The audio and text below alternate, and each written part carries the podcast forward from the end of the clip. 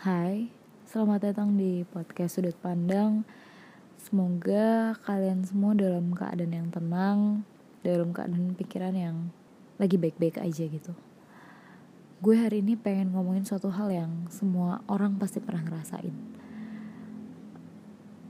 Um, gue yakin sih, nggak mungkin nggak ada orang yang nggak pernah nggak um, pernah marah gitu. Pernah gak sih lo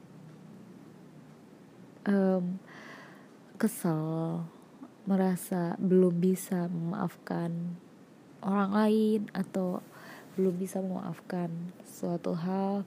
Padahal lo tuh udah berusaha gitu lo tuh udah mencoba mengikhlaskan mencoba memperbaiki atau mencoba hal-hal yang jalan untuk bisa memaafkan situasi ini atau hal ini tapi ternyata ada lagi hal-hal yang akhirnya justru membuat lo itu tambah kesel membuat lo tuh tambah marah sampai akhirnya lo tidak bisa memaafkan hal-hal yang itu gitu. Beberapa saat yang lalu gue ditanya gitu sama sama teman gue. Dia bilang gini ya gimana sih caranya biar bisa maafin orang lain? Um, karena hal itu nggak nggak termaafkan gitu. Sit, um, situasi itu kejadian itu orang itu perilaku itu tuh tidak termaafkan. Apakah dengan ya dengan apa ya pura-pura memaafkan atau pretending udah memaafkan itu benar-benar bisa membawa ke alam bawah sadar kalau kita tuh benar-benar maafin. Menurut gua memaafkan itu adalah suatu hal yang aktif sesuatu hal yang tidak bisa secara pasif tiba-tiba memaafkan gitu. Ya mungkin um, kalau misalnya ada orang bilang ya waktu yang akan membuat lo memaafkan. Menurut gue waktu yang akan membuat lo melupakan. Yang akhirnya membuat lo lupa rasa sakit dari hal-hal yang tidak termaafkan ini menurut gue sih. Jadi cara uh, lo menekan rasa apa ya rasa kenyataan perasaan keny apa ya sebuah, sebuah kenyataan bahwa lo belum bisa memaafkan hal ini itu adalah sebuah denial atau penolakan dari diri lo sendiri bahwa lo tuh belum bisa maafin hal itu gitu.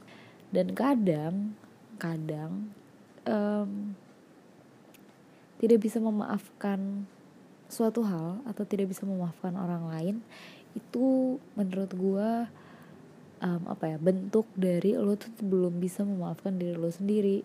Terkadang lo bisa belum belum bisa memaafkan diri lo ya, diri lo sendiri yang belum bisa memaafkan hal-hal tersebut belum bisa mengikhlaskan hal-hal tersebut.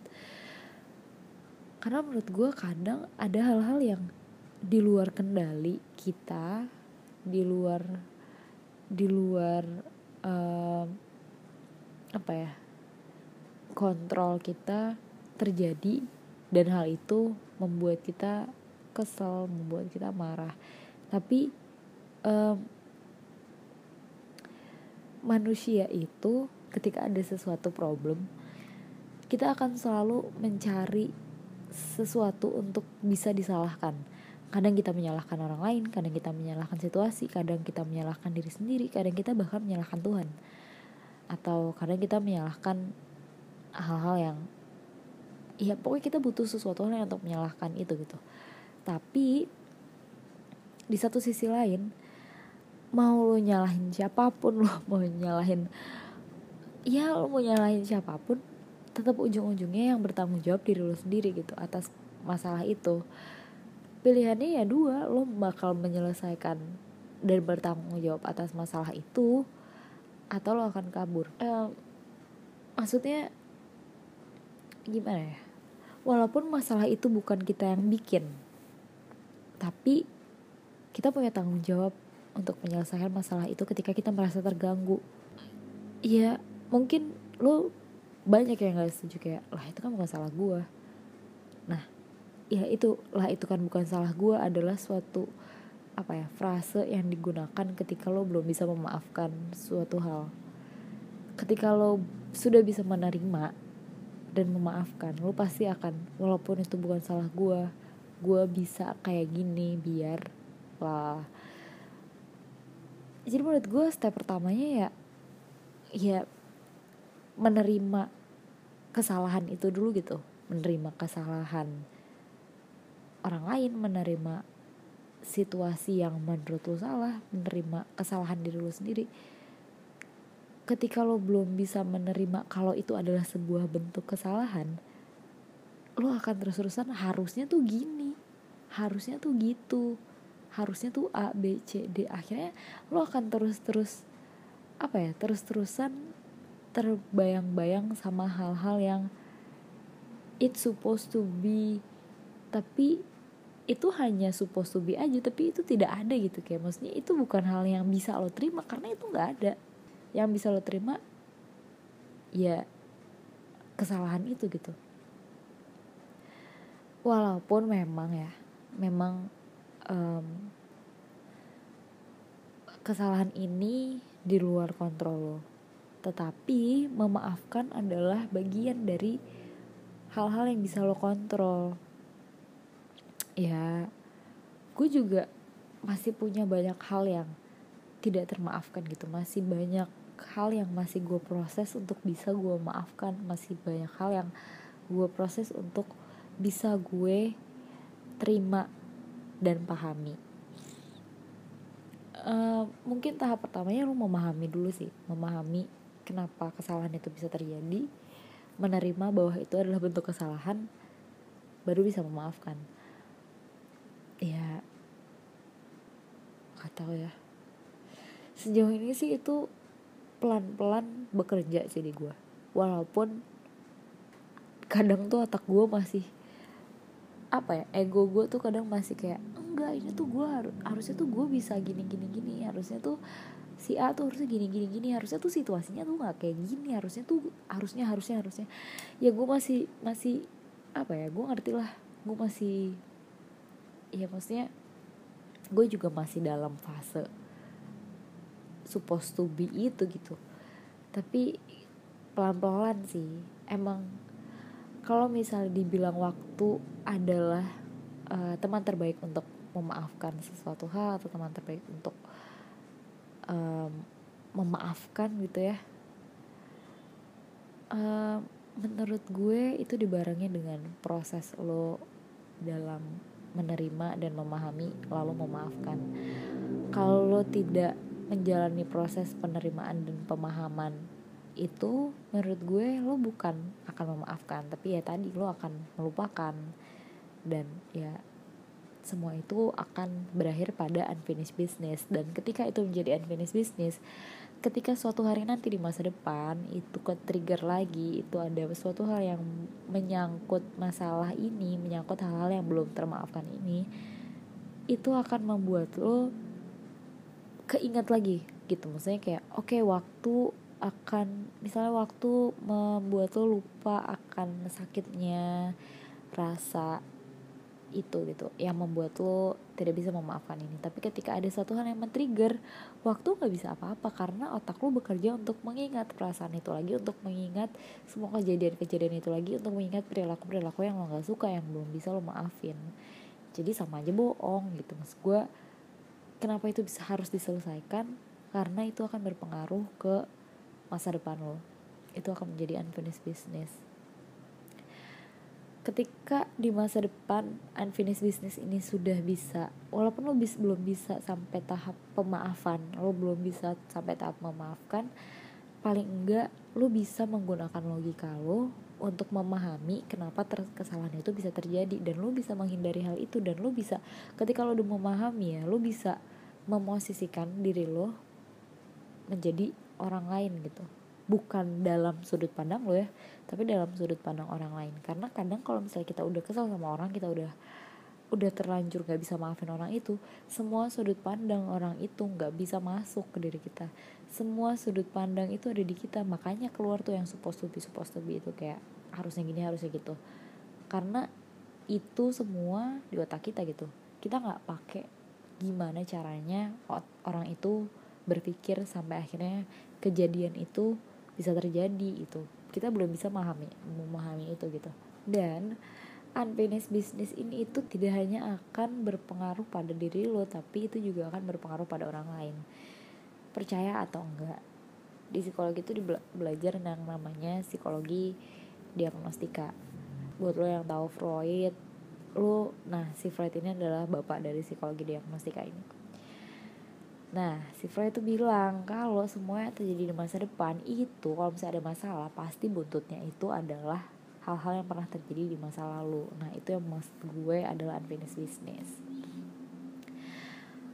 Um, kenapa bisa berpengaruh ke, ke orang lain?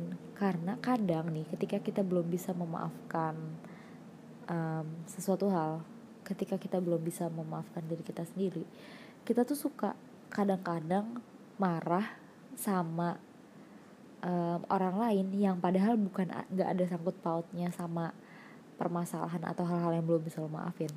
Tapi uh, itu tuh membuat lo marah gitu. Itu membuat lo bersikap tidak baik ke orang lain atau membuat lo bersikap um, bahkan mungkin lo akan mengulangi kesalahan orang yang lo nggak maafin ini gitu. Kejadian yang orang lain tadinya bikin salah jadi lo yang bikin salah gitu. Kesalahan yang sama dan lo lakukan ke orang lain ke ke orang yang tidak bersangkutan itu gitu. Karena ya diba, dibilang apa ya lingkaran itu ya efek domino lah. Maksud gue walaupun siapa pun yang salah yang bertanggung jawab tetap diri lo sendiri. Walaupun orang itu yang salah kalau misalnya lo, udah bisa maafin kalau misalnya lo udah bisa ngertiin kalau misalnya lo udah bisa menerima domina itu akan berhenti dengan sendirinya dengan perilaku aktif lo untuk memaafkan. Ya ini teori sih.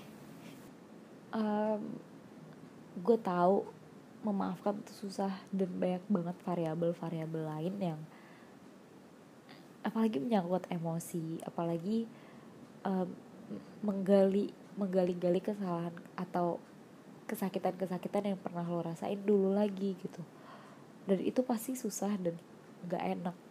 Ya gue paham gitu gue paham. Uh, tapi ya lebih baik diselesaikan.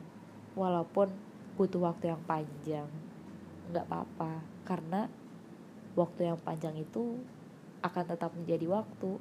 Apa pun yang terjadi di masa depan waktu itu nggak akan lebih cepat atau nggak akan lebih lambat ketika lo mencoba memaafkan orang lain gue nggak tahu sih di dunia ini ada nggak ya orang yang tidak memiliki unfinished business.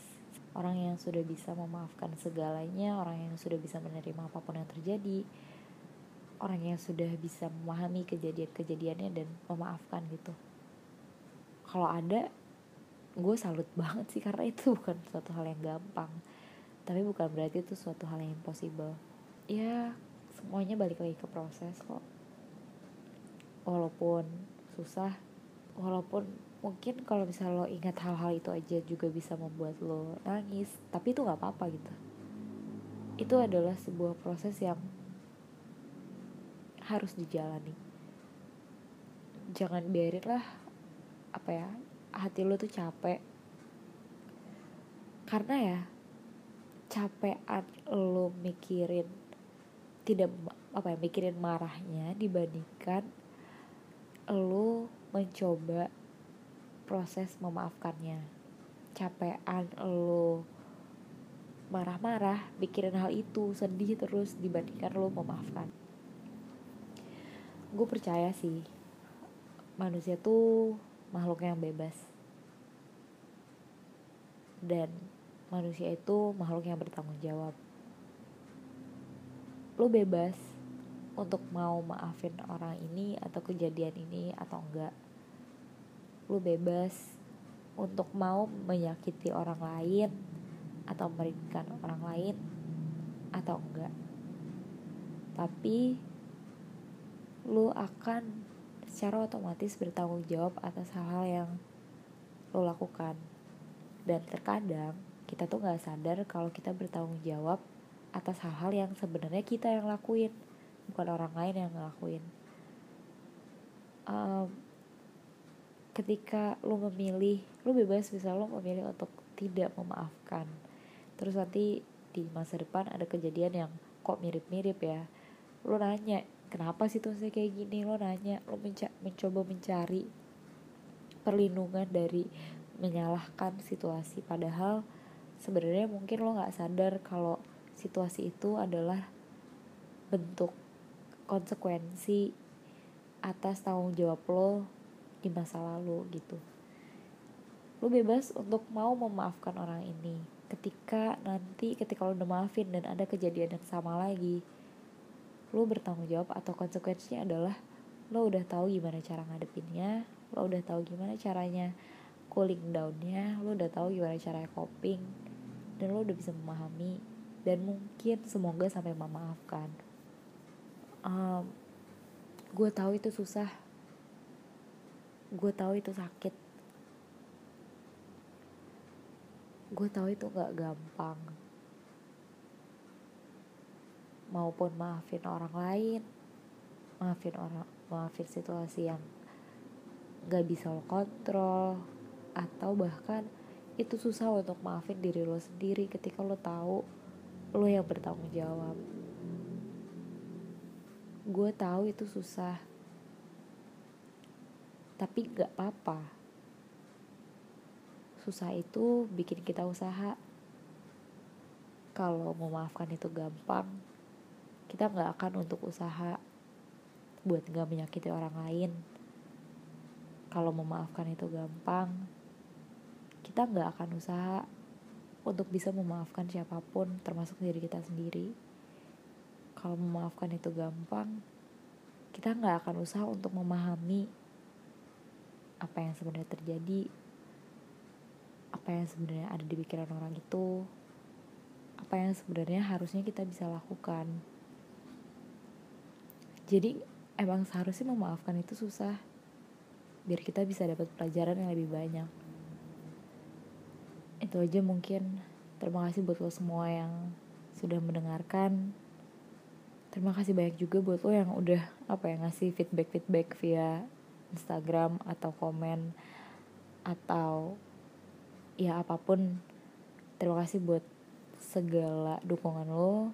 Semoga hal-hal yang belum bisa termaafkan bisa diterima. Semoga hal-hal yang belum bisa diterima bisa dipahami dan dimengerti. Dah maafin gue ya kalau gue so tau. Bye